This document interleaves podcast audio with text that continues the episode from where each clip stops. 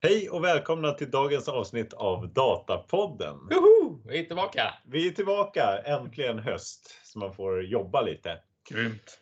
Mitt namn är Gustav Ringby. Jag heter Konstantin. Och jag heter Niklas Bredberg. Yes, och vi har ju alla eh, varit med förut så att vi behöver inte köra någon presentationsrunda. Det kan ni gå tillbaka och kolla i andra avsnitt så nämns det i alla fall eh, vilka vi är. Då.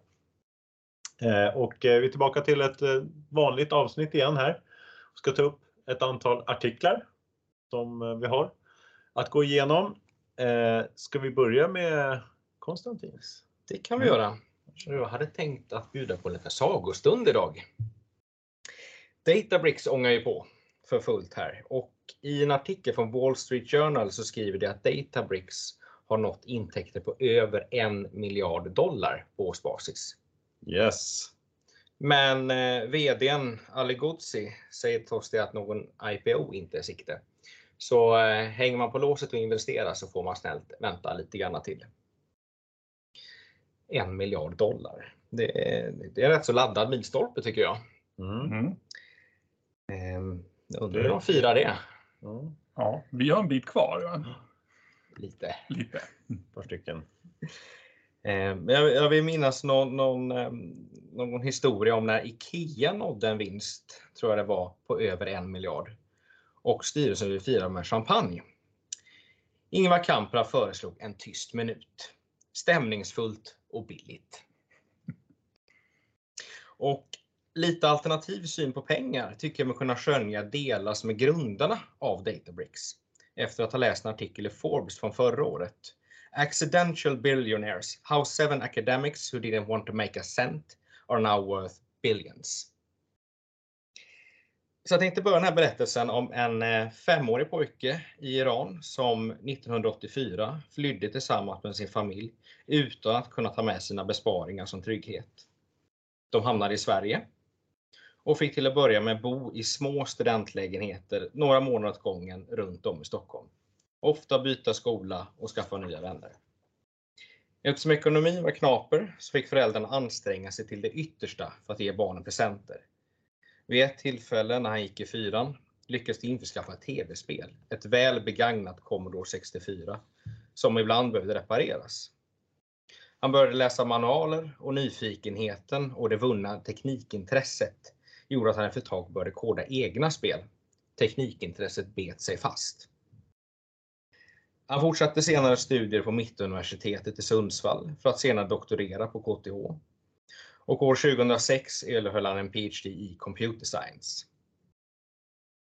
Han jag talar om heter Ali Ghodsi och vid 30 års ålder år 2009 flyttade Ali till soliga Kalifornien för att arbeta som lärare på UC Berkeley. Och här bubblar startup-världen. Facebook hade funnits i ungefär fem år, Airbnb och Uber ungefär ett år. Och väl på plats så anslöt han sig till Matej Zahaira, då 24-årig doktorand som arbetade på ett projekt som syftade till att ta fram en motor för att processa stora mängder data utan att behöva ha programvaruutveckling som största teknikintresse i livet. Och namnet på projektet var Spark. Spark visade sig bli bra, väldigt bra. År 2014 satte det rekord i sortering av data. Och i sin iver att få bolag att använda det här verktyget så släppte de det som open source, men utan någon större respons. De fick höra att det inte var Enterprise ready när ett antal akademiker knackar på och vill att de ska använda ett open source-verktyg. Det behövde alltså kommersialisera. En grupp om sju akademiker gick ihop om att starta Databricks i början av 2012 efter ett par möten på en indisk restaurang som snarare kunde liknas vid ett hål i väggen. Stod det. Ehm, och i sinom tid så fick de kontakt med investerare, Andresen Horwitz. Horvitz. De hade från början tänkt att ta in mindre portion kapital och köra på ett år och se hur det går. Men så kom erbjudandet. 14 miljoner dollar till en värdering på 50 miljoner dollar. För bra för att tacka nej till. De kör på och eh, i ett senare skede så eh, vill de byta VD som då var professorn Ion Stoica Eh, och då kom Ali Ghodsi upp som förslag. Eh, fanns viss skepsis eftersom Ali var akademiker utan erfarenhet att leda företag. Men så i början av 2016 eh, så tog Ali Ghodsi över som VD och fram till 2021 hade värderingen stigit 110 gånger än till skillnad från han tog över och över 5000 kunder. Och idag intäkt på över en miljard dollar på årsbasis. Och när investeraren då har vid något tillfälle sagt att han blev den bästa VDn bland alla hans portföljbolag. Och då jämför han med hundratals bolag i den här portföljen. Mm. Ju Fantastisk kul resa. med en svensk i, Verkligen. eh, som är med i Databricks. Mm. Apropå att vi alltid tar upp och jämför med Snowflake också. De har ju också en svensk. Marknadschefen där va? Precis. Mm. Är svensk. Mm. Så att vi är liksom representerade där på, typ, på något sätt. Just det. Och Godsi där har ju gått KTH. Ja, det han har har ju, gått på KTH. det har ju Ja. du också Gustav, så Ja. att eh, förväntningarna Ja. är ju ungefär ja, jag ska också åka till Kalifornien och Ja. starta Databrox, ett Bronx. nytt bolag. Ja. Data Bronx. Ja, ja, men det, det är kul. eh, One billion. Jag, jag var ju tvungen att jämföra lite med Snowflake. Mm. De ligger på, jag såg att de hade första kvartalet här så gjorde de 400 miljoner dollar. Det är lite jämförbart i alla fall. Eh, annual revenue på, på de två då. Mm. Men hur stor andel är det här av vad de stora molnleverantörerna gör? Det är väl fortfarande peanuts i förhållande till Totalen, men Google, Microsoft och Mm. Det måste det ju vara. Ja, De men har det är ju- ju utvecklingen, alltså tillväxten som är det Mm. intressanta med liksom tresiffriga Mm. tillväxtsiffror. Mm. Och då är det ju också lite roligt att, att följa dem. Mm. Mm. Ja, kul att se att det fortfarande växer. Trots att det är lite oroligt i världen så är datadrivet är fortfarande och, och liksom den här branschen, AI, är fortfarande väldigt het och växer. Mm. Mm. Och det är också något man kanske traditionellt inte drar ner så mycket utan man utnyttjar det för att göra eh, snabbare analyser. Mm. Eh, för det var något man märkte mycket i Corona, att det blev ett starkt behov för att snabbt kunna göra om analyserna. Mm. Och budgetar var liksom så här, bara kasta, gör en ny, ställa upp nya scenarion och sådär. Det borde gälla med det mesta. Mm. Nej, men att starta igång ett sånt här företag och utmana de stora jättarna, det är ju en ganska, en ganska hög tröskel liksom, att Mm. ta sig an. Då. Så att man förstår ju att det behövs mycket kapital och snabbt komma upp på banan och nyttja de här Mm. teknikerna. Liksom. Och det, ser, det är både med Snowflake och Databricks. Att de har väl satt olika rekord i, i form av hur mycket kapital de har tagit in och så här, Ja. liksom. Jag, jag såg någon kommentar där kring eh, där på Databricks. De ska ju inte göra en IPO, men de funderade på att köpa bolag i alla fall. För Ja, för de hade ju pengar nog för att klara sig ett bra tag framöver. Att de verkar ju ha det på det torra så sätt. Mm. Även om det skulle komma lite sämre tider och, och villigheten att investera blir Mm. något lägre. Framåt då? Vad tror ni? Är det liksom påverkar att man har en akademiker som VD? Och på vilket sätt? För Databricks? Kommer det vara annorlunda framåt eller? Jag tror att i de första faserna där, där var det nog väldigt viktigt att få kapital men Mm. du kanske inte har så mycket att visa. Då bygger nog mycket på Att en doktor säger det? Liksom. ja, och att det här är framtiden. Så den trovärdigheten för att komma Mm. igång.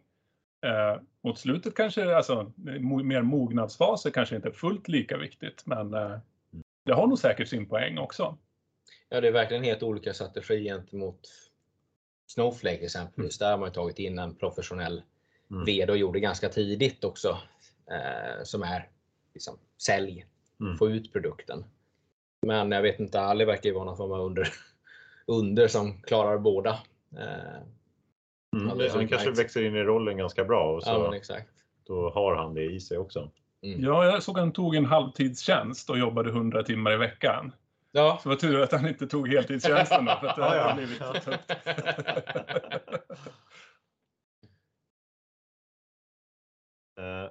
Ja, toppen. Är det någonting mer vi ska nämna kring den eller ska vi gå vidare?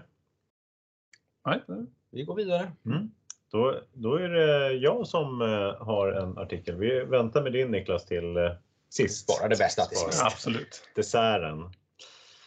Eh, Jag har en artikel från medium.com Det, den, eh, rubriken är Hundreds of joins per query. Is data modeling really that bad? Eh, och det är en eh, lead data engineer på Manychat som eh, har gjort den här artikeln då. Han heter Anton Poljakov. Heter han. Och han skriver det här då ur då, 19 juli släpptes den. Så eh, själva grejen är att han, eh, han skriver det här kring eh, och frågan han ställer sig som han själv ställde sig för för några år sedan då när de skulle bygga ett data warehouse eller en dataplattform då på Manychat var, ja men blir det väldigt mycket joins om man använder säg Datavolt eller Anchor Modeling? Kommer det bli superkrångligt att få ut data ur den här modellen då? Om vi lagrar datat i den typen av eh, eh datamodellering. Då. Och alltså Anchor Modeling, eh, för de som inte vet och Datavolt, båda de är ju alltså eh, såna här eh, kolumndatabaser. Man lagrar ett datafält i en tabell. Så för varje, om man har kund och så har man förnamn. Och då har man en tabell för det kundförnamn och så har man kund efternamn. Då har man en till tabell för efternamnet och så sparar man ner datat så. Det brukar vi refereras till som sjätte normalformen, alltså ett par till normalformer utöver tredje. Eh, man får jättemånga tabeller i sin databas, men med en del fördelar då, att man aldrig behöver lagra data flera gånger och det blir enkelt att hantera förändringar. Så man får en väldigt eh, snygg databas. Då. Det är lätt att få in data. Lätt att få in och, och, och förändra data och så vidare. Eh, och, men ja, och då var ju liksom när han stod inför det här beslutet då att börja köra och han valde just Anchor Modeling då. Så funderar han, ja men kommer det här äh, bli jättemycket joins när man ska dra ut data ur det här? Eh, och, eh, så, det var en, eh, en reell då, eh, risk som han såg. Nu eh, två år senare då, så har han kunnat titta på hur de använder den här databasen då inom de Eh, Och på, ja, de vanliga analyserna gör ändå någonstans mellan 1 till 10 joins. Det är inte mycket mer eh, än det. För det är liksom, det är inte en vanlig analys så behöver man inte göra så många, man behöver inte så många fält. Då blir det inte så farligt mycket joins. Och då ger han en average man har sett då, så han kör det här i eh, och kunna ta fram liksom loggdata. Han kör Anchor Modeling i Snowflake, nämner han också. Och då ser han att medlet då på en analysfråga, och han har tagit bort allting som har med ETL att göra, det är inte mer räknat här är att man får fem joins på en query. Det är medlet. Men jag tror också att eh, medianen var ännu lägre. Den var tror jag det var.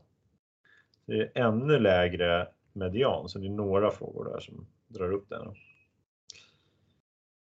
Eh, ja, det, så det går bra.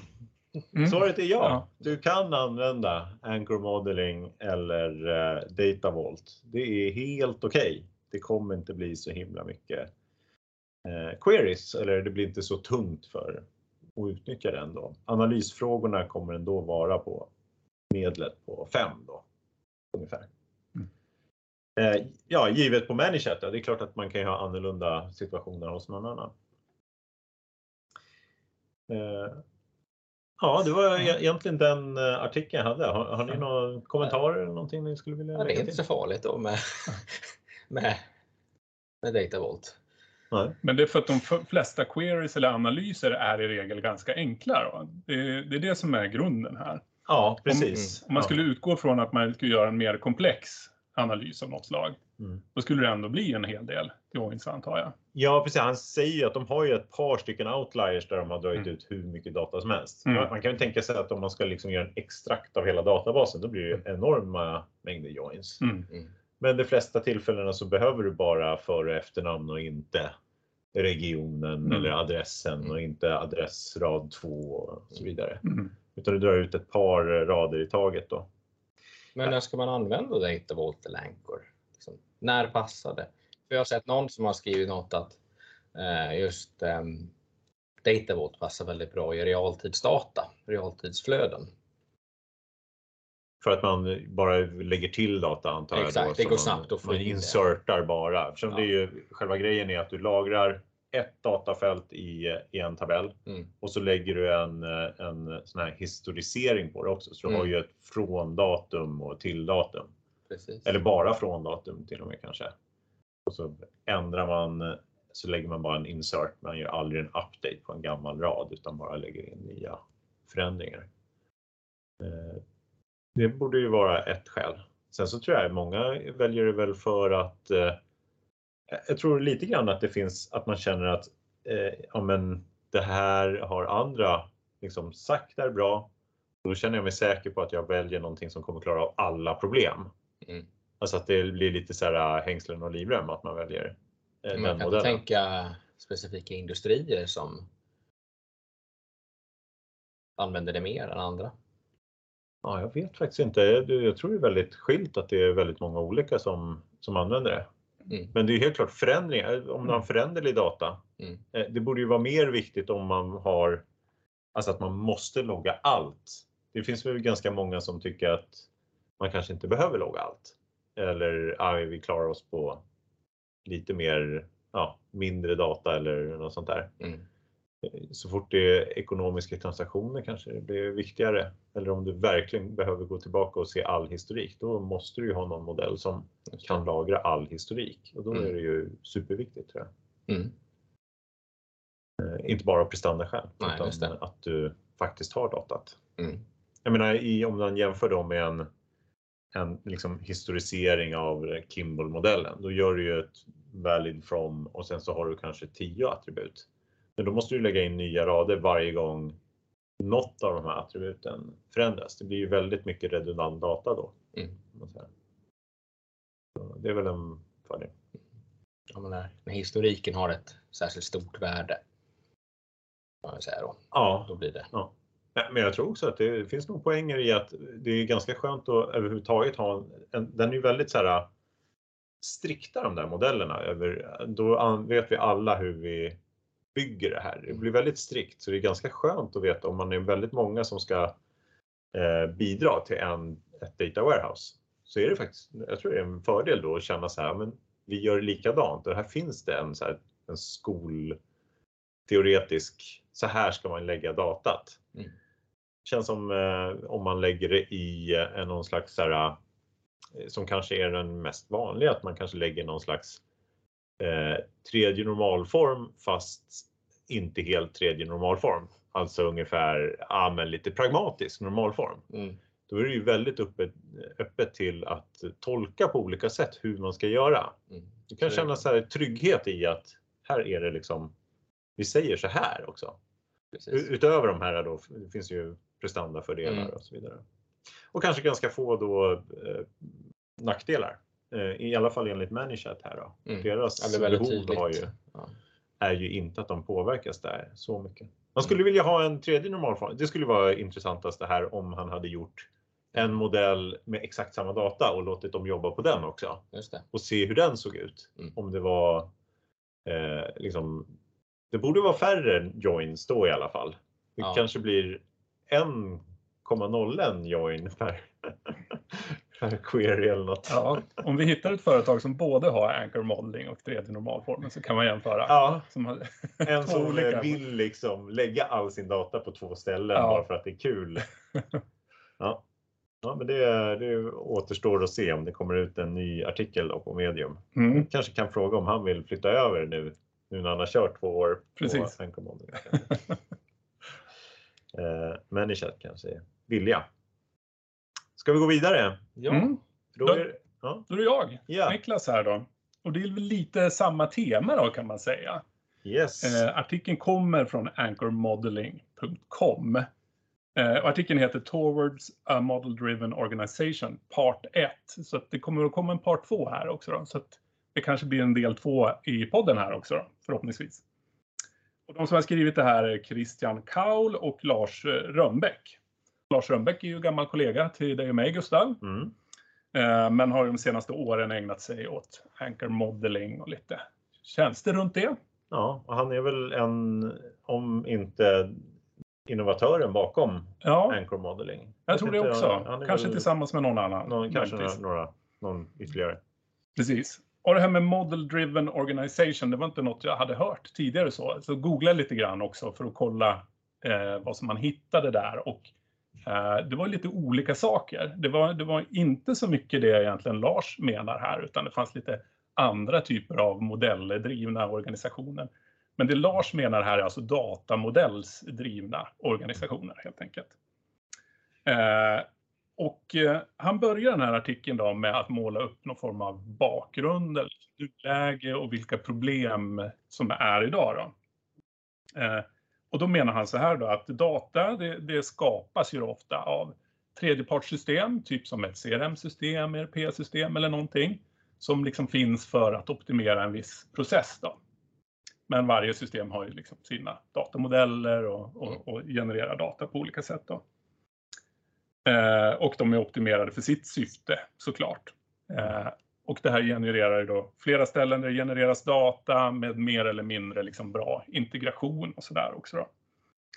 Och sen så behöver man då lägga på ETL eller ELT eller någonting, transformera och tvätta och, och modellera och ha sig för att liksom kunna analysera det här någon gång i slutändan. Då. Och då menar jag att det här kan vara svårt, det kan vara omständigt, det kan vara kostsamt och så.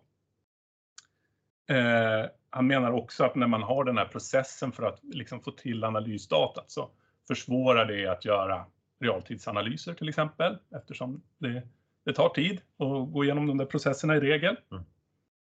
Eh, och liksom sammantaget då kan man säga att han menar att det finns ett gap mellan liksom där data skapas och när man sen ska analysera det här. Då. Man kallar det actionable data och Ja. created data som liksom två koncept. Va? Precis, precis. Och då lösningen på det här problemet då, det är ju då en modelldriven organisation. Och det han menar då egentligen en dataplattform med en enad datamodell egentligen. Eh, och det här eh, omfattar då både operativ data och analytisk data i en och samma plattform. Då. Mm. Eh, och eh, om man då tänker på det här rent, han kallar det för en organisation också, det, han menar nog att det inte bara är en teknisk lösning heller, utan eh, om man liksom traditionellt då har haft olika typer av affärsmål och sen så har man brutit ner det i processer och byggt en organisation på det sättet. Eh, och sen så har man liksom då system som stöttar de processerna. Eh, så tänker han här då snarare att man har en organisation med olika mål och utifrån det så bygger man en datamodell. Och sen i nästa läge så får man bygga processer, liksom organisation då. Eh, Så det är lite omvänt där med där själva datamodellen får mycket mer fokus och sätts i, i centrum då. Man sätter alltså organisationen efter datamodellen. Alltså det här är kanske part två kommer att Ja. beskriva bättre, men, Ja. men det är i alla fall ett synsätt tror jag. Ja. Det, det låter som ett drömscenario ur Ja. vår synvinkel. Ja, precis. jag tycker det låter som ett ganska idealiserat scenario också. Kanske, kanske just eh, att det kommer från personer som är intresserade av data snarare Mm. än eh, management möjligtvis. Eh, men eh, men eh, ja, det är så, så han beskriver det i alla fall. Då. Och liksom en, en teknisk möjliggörare här är liksom databaser som kan hantera både liksom operativ data och eh, analytisk data i samma Mm. miljö då, på olika sätt. Eh, ja, det är väl egentligen kan man säga, säga innehållet i det där.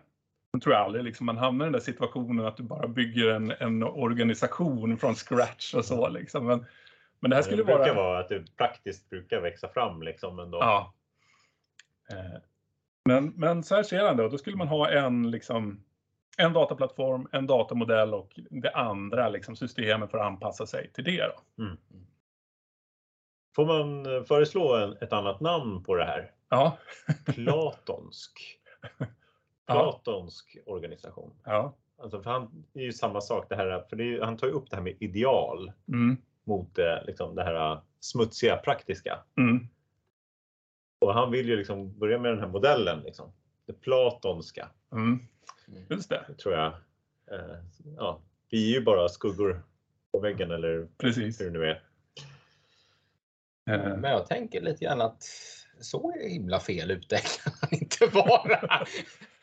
Även om jag med, med flit misstolkar hela så man bygger hela organisationen efter datamodellen här. Ja, Eh, så jag tycker mig höra emellanåt att när man gör liksom en omstrukturering, ett företag eller omorganisationer på något sätt liksom gör om i verksamheten. Då är det ganska tätt sammankopplat med att du implementerar ett nytt system av Mm. något slag. Det kan vara analys eller det kan vara affärssystem eller men du har ett typ av system så att de som håller på liksom med den här omorganisationen eller omstruktureringen. mm, De är lika mycket kravställare för en IT-produkt. mm. Så att det är ju liksom någon form av symbios där liksom. Där Mm. det brukar som det brukar vara. ja. Det är väl g- ganska likt egentligen en utmaning som har varit länge där man köper ett affärssystem till exempel. Mm. Ska man tvinga det här affärssystemet att funka efter våra processer eller ska man anpassa sina processer efter affärssystemet? Ja. Men, men om man nu har liksom, nu bygger jag eh, eh, kundbegreppet här i min databas Mm. och sen köper jag in ett CRM-system. Mm. Får jag inte igen ett ETL när jag ska faktiskt använda datat i CRM-systemet? Att jag måste Jag tolkar det så i alla fall. Eh, Såvida inte man utvecklar alla sina liksom, operativa system, system. själv. Liksom. Eller att alla operativa system hante- kan hantera att det ligger ett datalager som är master data. Liksom. Ja. Jag är inte säker på om de brukar kunna det, jag tvivlar. Eh, Nej, det känns inte som... eh, De är nog inte vana vid det kravet i alla fall. nej. Eh, Men det kanske är därför de vill pusha det här då. Ja. Nya sättet då. De, de tog upp några sådana här eh, olika delar som kommer i vägen för att man ska uppnå idealet. Mm. eh, såg jag. De hade bland annat då en, en lista på ett par olika saker här. Eh, det var att eh, ja, men, målen i organisationen är vaga Mm. eh, och det är bara några som förstår dem. Du hade att eh, ja, men, eh, egentligen hur du arbetar är bara ett arv från hur saker och ting såg ut tidigare. Mm. Man pratade om eh, man ha- har liksom, man arbetar på ett sätt på grund av som att man har hoppat på någon så här management-trend. Mm. Eller eh, att man liksom jobbar på ett visst sätt på grund av eh, men, liksom olika företag runt omkring som har in, ja, incentives då, eller ja, skäl till att påverka en att jobba på ett visst sätt för att de gynnas av det. Mm.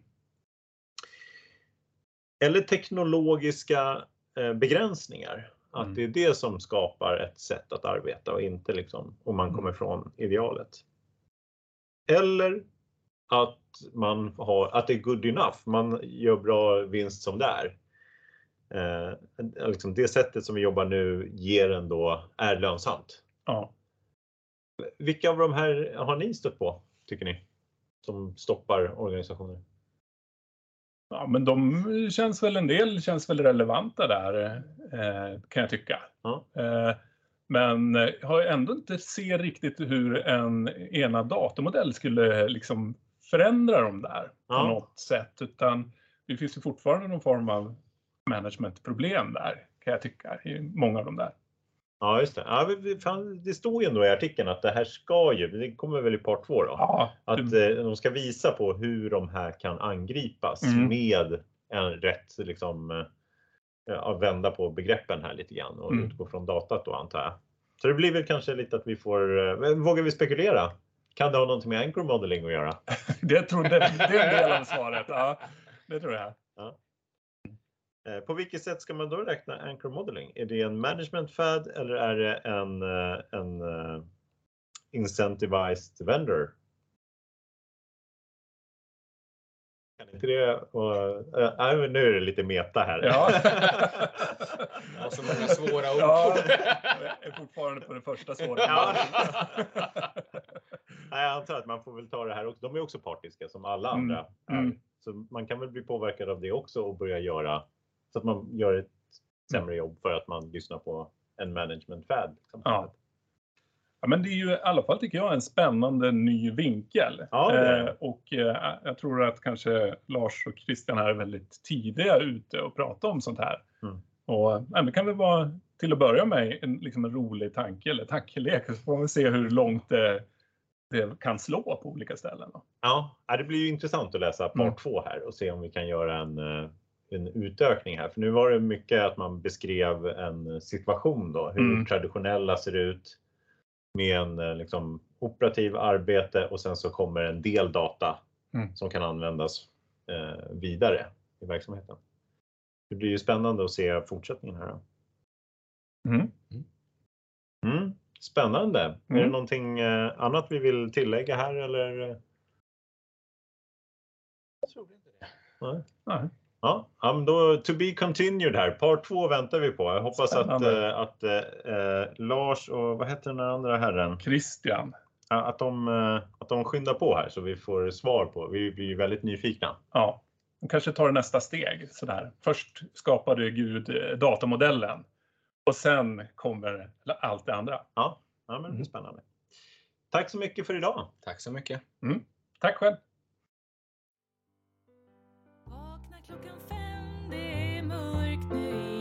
Igen Som om idag